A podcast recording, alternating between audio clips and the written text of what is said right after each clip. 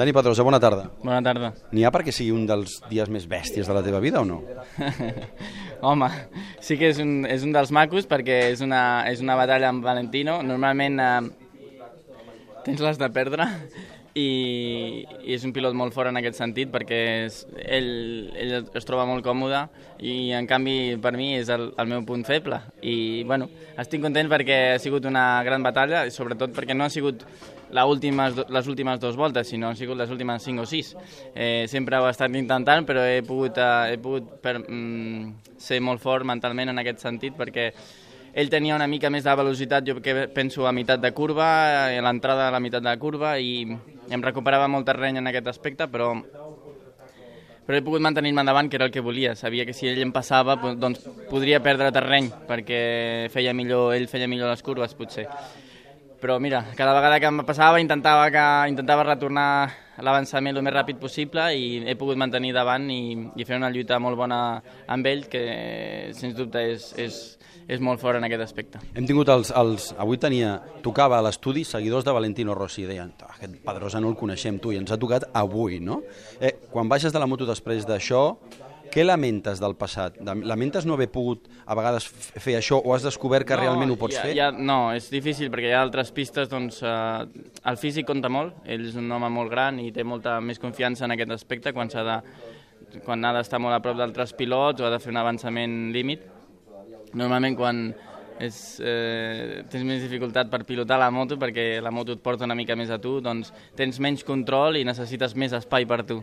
Però avui tenia, tenia una, un bon control de la moto i podia permetre'm eh, canviar trajectòria i intentar avançaments una mica més passats de, de frenada i, i tornar, tornar a avançaments. Per tant, eh, sí, content per poder haver aprofitat eh, aquest moment i, i haver, haver assolit la segona posició, que a l'última volta pot passar de tot, però aquesta vegada ja la segona aquest any que cau davant i, i content.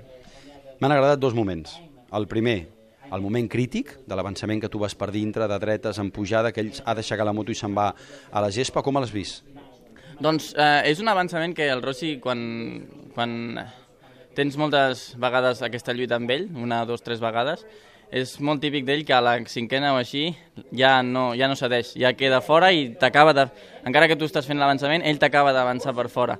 Però ja coneixia aquesta, aquesta, aquesta manera i he dit, bueno, tu estàs per fora, si vols no sortir-te has de tallar tu i jo intentaré obrir gas i, i m'ha sortit bé, perquè aquesta li havia fet a l'Stoner, li havia fet al Jorge i, i no sé, em sembla que al Marc també una vegada i la tenia, la tenia present. Quan, quan l'he vist venir he dit aquest és el moment que és de, no és de cedir i, i m'ha sortit bé.